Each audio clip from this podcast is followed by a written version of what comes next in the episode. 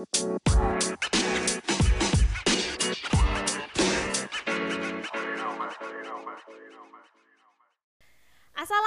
warahmatullahi wabarakatuh. Waalaikumsalam warahmatullahi wabarakatuh. Berjumpa lagi di podcast Migunani bersama saya Wawa. Saya Ocit. Saya Freda. Tadi teman-teman pasti dengar satu nama baru nih ya. Ya kan, ya kan, ya kan. Nah, emang bener banget. Malam ini kita kedatangan seorang tamu gue star ya. Gue star ini ini teman kerja saya. Tadi sudah disebutkan namanya Mbak Freda. Nah, Mbak Freda boleh kenalan dulu disapa para Boleh. pendengar? Halo. Iya. Pendengar podcast Migunani Kudus ya. Iya. Selamat malam. Gimana kabarnya? Ah, Semoga baik-baik saja, Baik-baik saja. tetap sehat, Tetap sehat. anti Harus, galau-galau. Ya. harus. Oh iya dong. Oh, kalau harus- galau nggak bisa, harus galau. Harus galau. Karena galau adalah energi kehidupan. Energi gitu. dengan galau baru bisa mikir ini ya, mau ke mana arahnya. Oke. Eh, jadi guys, Mbak Freda ini adalah teman kerja saya. Nah, berkaitan dengan podcast malam ini, kita ada satu tema spesial yang membuat saya itu kepikiran gitu loh untuk mengajak Mbak Freda berkolaborasi. Tema podcast kita kali ini adalah Kudus, dulu dan sekarang. Intinya sih malam ini kita tuh pengen cerita-cerita gitu ya di Kudus, kota kelahiran kami bertiga, saya, Mas Ocet dan juga Om Operator, itu kondisinya seperti apa sih dulu dan sekarang gitu. Nah, kita ngajak Mbak Freda. Mbak Freda ini asli mana Mbak? Saya asli Tulen, Yogyakarta. Yogyakarta. Daerah? Daerahnya kabupatennya Bantul. Ya, gadis Iya, Jogja. Gadis Jogja asli. Iya, asli. Tulen. Persintul. Opo iku? Apa iku, Mas? Persatuan Sepak Bola Bantul. Mosok sih? Eh, Persintul loh. Kan? Persiba. Oke. Oke. Itu juga saya malah baru tahu. Saya kira ini tuh beneran loh, guys. Tak lengkap rasanya ya kalau kita misalkan membahas perubahan suatu kota itu kalau nggak ada pembandingnya gitu. Nah, dan ini masih berlanjut dari obrolan kita yang dulu tentang merantau. Nah, jadi saya yang merantau lima tahun, On Om Ocit yang sempat ke Bali dua tahun, Mas Galih yang merantaunya itu merantau lokal sehari PP 40 km. Nah, jadi perubahan apa saja sih yang ada di Kota Kudus? Seperti itu. Mungkin kita baru mendatangkan ini istilahnya kita mendatangkan perantau. Iya, Iya betul. kan? Kalau Nah, dulu ini kita kan- yang merantau Nah, pergi kita- dari Kudus. Nah, kita oh, mendatangkan perantau. Ya, Dan kemungkinan nanti kita juga akan mewawancarai seorang perantau atau beberapa perantau yang orang kudus tetapi dia merantau di luar kota bahkan di luar negeri pun kemungkinan akan kita wawancarai kemungkinan kemungkinan. dan ya. kalau bisa malah kita meran apa mewawancarai orang kudus yang jauh jauh di sana. di alam Eh, jangan, Eh, jangan, enggak, jangan, enggak, jangan, enggak, jangan, jangan. bercanda, bercanda, enggak, enggak, enggak. Eh, soalnya kita juga punya beberapa teman yang istilahnya orang kudus, tetapi dia berada di luar jangkauan. Di luar jangkauan. Soalnya sering susah sinyal, Mas. Heeh. Ya, sebabnya dia uripe ning tengah laut. Oh, ini tengah laut. Yang tak kira, tak kira curhat masalah itu yang dia di luar jangkauan kita. enggak, enggak, enggak, enggak. Oke, Mbak Frida, eh, di Kudus ini kalau boleh tahu sudah berapa lama? Aku itu di Kudus sudah setahun dua bulan hampir dua bulan jadi aku inget banget datang pertama kali ke Kudus untuk bekerja itu tanggal 16 Desember Mbak Hasna 2020 gitu jadi setahun lebih ya setahun lebih dua bulan ya Mas Setahun ya lebih, hampir dua- hampir ya Hampir dua bulan. Ah, ah, oke oke.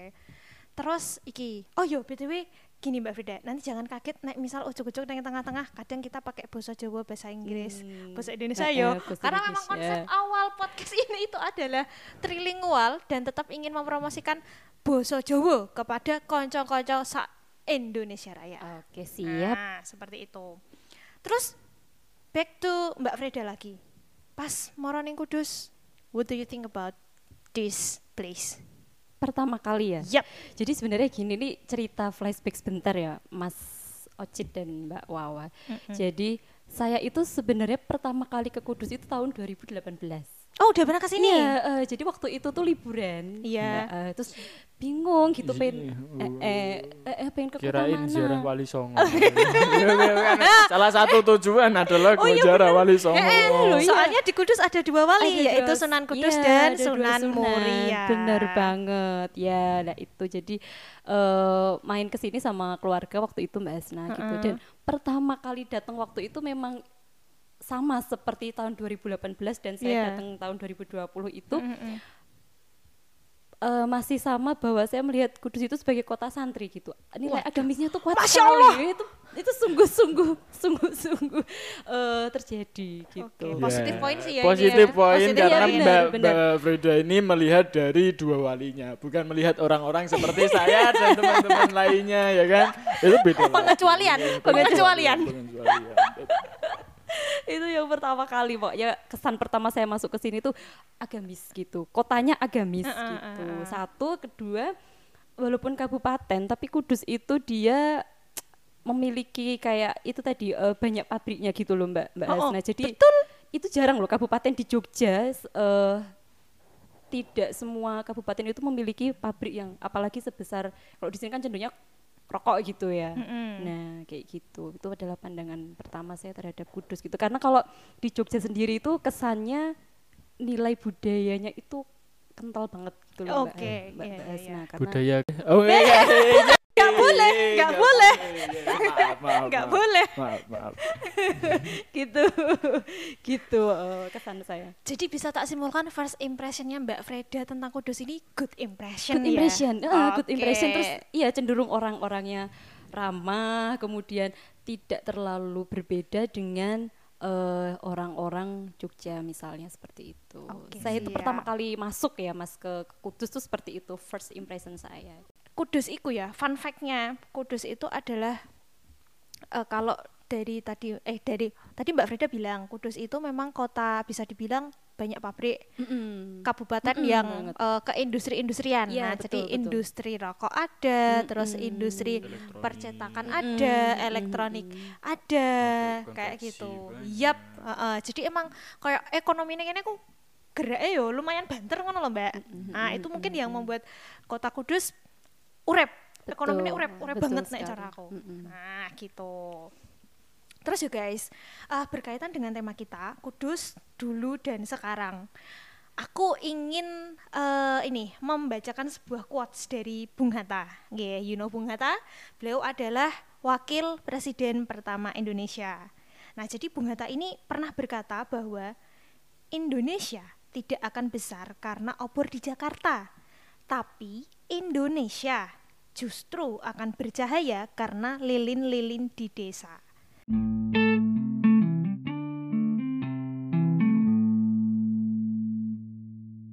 Nah, jadi waktu Arab ngebahas tema iki yo, aku kok kelingan quotes iki. Soalnya kok ngene loh guys.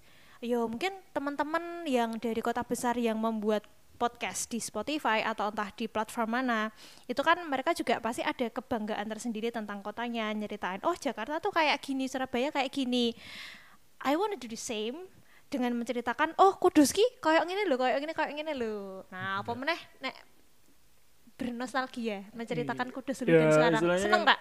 ya seperti itu istilahnya seperti ini ya Eh, Indonesia tidak akan besar karena obor di Jakarta ah itu pepatah itu tidak akan berguna lagi sebentar lagi ya Oh iya, soalnya apa? Ibu kotanya pindah. ya Gitu. ya Indonesia itu pasti kalau seandainya saya pas eh, berbincang istilahnya cicet sama turis gitu kan dia itu malah istilahnya ini ya memang benar peribahasa ini ada apa lilin-lilin di desa kan lilin itu apa istilahnya budaya-budaya yang dijaga itu juga istilahnya bisa juga dikategorikan sebagai lilin kan Betul. bisa meredup suat, eh, kapan pun Iya. Tapi juga itu menjadi penerang yang berarti kalau dinyalakan bersama-sama. ya eh, that's something beautiful kan Yap. Eh, dan kalau seandainya kita tidak menjaganya dengan benar-benar itu ya istilahnya bisa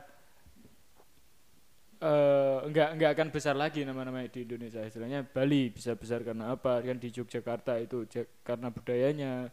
Dan Indonesia terkenal apa lagi selain dari itu kan masih banyak lagi dari desa-desanya. Istilahnya melahirkan orang-orang kecil yang terkenal di luar sana ya kan? Ya, betul banget. Nah, itu misalnya kayak kalau di Jogja yang terkenal apa Mbak? Yang menurut Mbak Frida ini eh, itu tadilah kita bisa umpamakan sebagai lilin-lilin kecil. Oh gitu ya. Ha-ha. Jogja itu selain kota yang banyak wisatanya, Iya. banyak wisata loh ya. Banyak banget sekarang, sekali. heeh. Hampir setiap kabupaten itu memiliki ciri khas daya potensi wisata itu, Mm-mm. Mbak Wawa itu.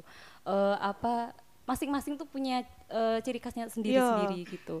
Nah, Jogja itu kalau misalnya kita lihat ya dari seluruh provinsi yang ada di Indonesia itu salah satu provinsi yang memiliki kerajaan peninggalan kerajaan Mataram kuno adalah di Yogyakarta dan itu memang memiliki nilai budaya yang kental banget gitu Mbak Hasna di di apa di di Jogja gitu. Ibaratnya kayak iya memang iku sing jogo Mm. budaya budaya Jawa iku tetap urep terutama Iya. neng Jogja gitu Iya ya. betul. Nah, iya kental seperti itu. sekali. heeh, heeh. Memang tiap daerah iku duwe keunikan dewe-dewe, guys. Eh, seperti kata-katanya kan biasanya terkenal Jogja istimewa Iya. Iya. kecuali Klide UMR Eh, itu jangan di ya. Itu site inilah. Ya, istilahnya maksudnya kan ada, ada kata Masih ada plus plus minusnya. Pasti ada plus minusnya. Istilahnya di Kudus apa ya? Memang istilahnya kan kalau di Kudus ini terkenal dengan industrinya, Yap. industri rokok, industri sebagainya, sebagainya. Budaya di sini juga alhamdulillah ada budaya-budaya yang masih dijaga para pemudanya. Heeh. Dan tadi kata Mbak Freda kan Islami. Islami, ya, religius Islami kan banget. dari sini ada pen- apa, salah satu pendiri NU juga ya kan? Iya. ada juga wali dari dua wali dari Wali Songo dari Iya. sembilan wali dan juga ada museum yang apa Museum Purbakala. Kretek, Museum, Museum Purbakala. Purbakala, itu kan iya. di Jawa itu cuma ada beberapa sih eh di Indonesia itu Sangiran terus di daerah Bali itu ada ya Bali bukan Jawa sih Eh, di daerah Bandung sana juga ada sana cuma sedikit aja yang seperti itu Bandung. Bandung Bandung. Karena kita orang Jawa ya. Mm-mm. Nah, Bandung. Heeh, orang tuh kalau bilang Bantul ya Bantul. Jadi harus ada Eh. M-nya di depan. Kalau Bali, Bali. Bali. Ah. Oke. Nah, BTW guys, nek dek wingi ku aku luru-luru neng internet, browsing-browsing yo. Jarene sih indikator maju dan tidak suatu daerah iku eh, paling ora ana telu lah. Fasilitas, perekonomian, karo ane kondisi sumber daya manusiane. Nah, mungkin eh, iki sepurane nek pembahasan malam ini iki rada berat dan berbobot. Tapi insya Allah tetap asik. Nah, ngerti rak guys, UMR Kudus piro? Eh, alhamdulillah UMR Kudus tahun ini itu naik 3000 rupiah. Itu aku bingung sih, iku kabar kamu kabar uruk. 3000 rupiah. Nek aku tuku es gude, iku ya cek kurang. Es gude petang ewu. Eh, aku tuku ning jagungan 5000 bos. Iya. Oke. Nah, untuk dari tahun 2021 ke tahun 2002 UMR Kudus memang naiknya cuma 3.000 rupiah guys. Tapi ini pun menurut aku sudah kemajuan yang luar biasa ya. Soalnya gini, ning Jawa Tengah itu ada total 35 kabupaten dan kota. Nah, Kudus ini peringkat kelima dari atas ya. Jadi lima Cuma naik tertinggi. 3000 itu 5 persen apa langsung Langsung peringkat lima. oh, naik 3 peringkat. Oh enggak. Jadi tahun 2019 peringkat 8, 2020 peringkat 8, 2001 kemarin dia udah peringkat 5. Tahun ini juga masih bertahan di peringkat 5. Nah, UMR-nya itu sebesar tak sebut ke ongko-ongko nih, lengkap. Nah, sopo ngerti gue penasaran kan? 2 juta 293 ribu 58,26 rupiah. Nah, yo gampangannya rong juta rong atus sembilan puluh tiga rupiah lah ya. Itu. Iku wis iso ndok gitu ku es gede untuk pirang gelas mas. Bisa bikin diabetes sih. Ojo, nek aku nojo, rong satu ku gede. Tuku nutrisari ae, tuku nutrisari ae. Eh, eh, tiba-tiba tiba-tiba ada pertanyaan di benak saya.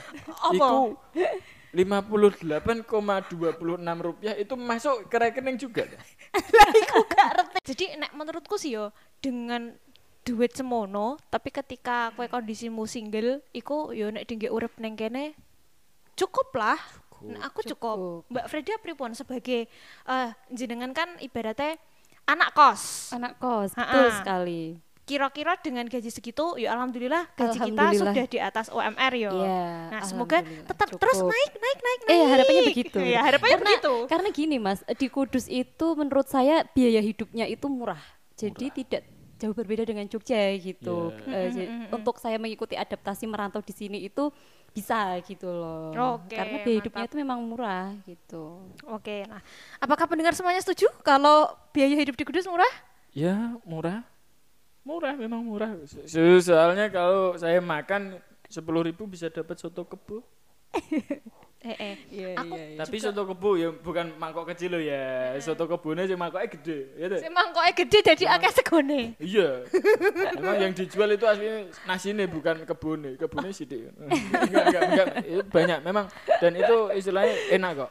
Enggak kalah sama yang dijual di tempat-tempat pusat kuliner seperti itu enggak. Istilahnya harga segitu bahkan ada nasi pecel yang harganya 3000 masih ada hal seperti itu di pedesaan di itu kan Heeh, Tapi ngomongin soto kebo itu memang saya orang luar Kudus ya mbak. heeh. memang menjadi ikonik salah satu ikonik kota Kudus tuh sotonya itu. Iya, Mas. memang itu yang ditonjolkan dari Kudus ya kerbaunya. baunya. bukan bukan itu ya. sate soto kerbau ya. Ya, itu soto kebo itu itu ya memang seperti itu Iya, di- dan eh, eh, garang asem. Garang asem Jogja kan gudegnya gitu Iya, lah ya. Kalau di sini para garangan- kerbaunya kan. bukan, bukan, bukan itu, bukan itu.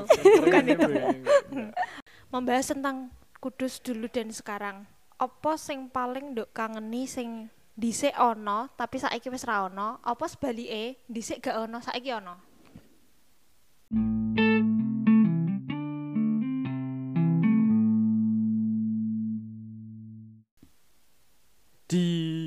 Kudus yang saya rindukan adalah ketika Kudus tidak ada corona Aku kangen ning gandangan, Cok. Loh, iya iya kan guru-guru apa gue Gara-gara apa? Corona. Iya kan guru-guru corona. Iya. Mbak tahu Iya. dandangan enggak tahu? Nggak tahu Nggak apa itu tahu. dandangan. Nah, itu istilahnya dandangan itu seperti gerbek pasar tahu apa? tuh? Di Heeh, Jogja jadi itu. konsepnya Mulutan itu gitu, Ya, Mas. eh, Ya, kalau di Jogja kan mulutan, tapi kalau di sini itu sebelum bulan puasa. bulan Ramadan. Oh Iya. ya, tradisi mirip-mirip di itu. Jadi Jogja, biasanya benar-benar. tuh ini Mbak, nek arahnya dari alun-alun Simpang Tujuh itu ah, ke arah barat, Mm-mm. Sampai Pol, Menara. Menara, Menara. terus Menara Pasar Jember. Nah, Heeh. Pasar Jember segitu Iya, situ ah. Heeh, Nah, jadi itu tuh kayak pasar malam orang-orang pada jualan, terus Oh, kayak ada gitu. permainan-permainan buat anak Oh, kecil. heeh. Nah, dan iku fun fact-nya meneh yo, sing dodolan ki gak terima wong lokal Kudus loh. Bahkan dari daerah lain luar pulau pun ada, dari Sumatera, dari mana. Wow. Soalnya emang iku wis jadi event tahunan, Mbak. Oh, jadi kayak jejer-jejer gitu. Betul, sepanjang jalan. Sepanjang orang jualan Iya, gitu. jadi dua minggu full jalan itu ditutup. Itu kan termasuknya jalan Iya, iya. protokoler kan Kalau nek di ning Jogja kan. mungkin itu sebutnya sekaten, Mas. Oh iya sekaten. Sekaten. Sekaten. Itu malah sebulan. Jadi memang Full sebulan Eh, ya. eh, eh, itu. Itu maksudnya kan itu ketika eh, hampir puasa, tapi kan Ha, ada hampir persetujuan itu mulai hari keberapa itu jalannya udah mulai ditutup. Jadi Oh. mulai alun-alun sampai ke perempatan Jember itu jalannya ditutup. Khusus emang untuk stall pedagang-pedagang. Oh. Kecuali kalau pagi masih ada motor. Kalau mobil udah nggak bisa lewat situ. Gak iso eh. Di Gitu. itu yang kami rindukan. Dan ketika- itu sekarang belum ada lagi gara-gara corona gitu atau Sudah gimana? dua Sudah tahun dua nggak ada. tahun. Berarti Dua kan tahun nggak ada. rong ewu rong puluh sampai rong ewu selikur ya, guys. Heeh. Nah gitu. Yo gak ngerti sih tahun ini apakah bakal wani nganake meneh apa ora. iya, iya, kemungkinan iya. tidak Sebab Omikron sudah mulai melanda. ya tidak tergantung menunggu Pak Luhut Oke. Oke. Itu. Nah, piye ya, Mbak? Nek dandangan itu bener-bener ikoniknya karena itu tadi eh, pertama dia itu representasi dari kebudayaan Islam yang ada Oh, gitu. di Kudus. Itu Mm-mm. bener-bener masih dilestarikan. Iya, iya. Dan itu sudah ada sejak zaman Sunan Kudus. Hmm, gitu wow. dilestarikan sampai Saya- sekarang. tahu loh itu. Iya, Mm-mm. jadi terus hari eh, terakhir sebelum puasa. Misalnya ya, besok puasa nih. Mm-mm. Nah, ada hari ini itu akan ada pawai menabuh beduk. Oh Nah, iya. jadi bunyinya kan eh, eh. dang dang dang makanya dinamakannya dandangan, sebagai Dandangan. penanda untuk mengabarkan bahwa besok itu sudah bulan Ramadan tanggal 1. Oh Gitu gitu, ceritanya. Iya, Padahal iya, saya iya, iya. mendengarnya itu duk duk duk dan itu dinamakan beduk. Tapi kok iso diarani dandangan ya? Wih kan gak ngerti. Heeh. Sebuah misteri memang. mirip mirip mirip. Iya, Ya. gitu. Ya tergantung kuping orang masing-masing. Nah, terus eh neng Kudus meneh yo, aku senengnya kayak gini. Eh dhisik pas aku cilek, yo maklum saya emang aku dhisik dolan gue iki neng pasar ora neng mall. Jadi nek dulu itu cuma ada dua swalayan lah ya katakanlah eh, Ramayana sama ada. Nah sekarang Kudus di piro sih? Wah kayak Pertama koyo ya, dulu itu yang keluar itu matahari. Oh iya, eh matahari. Matahari. Betul, terus matahari. Berselang lama itu baru ada Ramayana. Heeh. Hmm. Terus ada Heeh. terus setelah itu mulai ada hiperma terus matahari kebakaran. Heeh. Dan Sekarang sekarang- nambah Super Indo. Tambah super Indo dan istilahnya di kota sekecil Kudus sudah ada seperti Ace Hardware ya kan? Informa, bakal Informa. ono McD, Pizza. Hut. Domino wes masuk kene. ya itu istilahnya sebuah Apa pencapaian?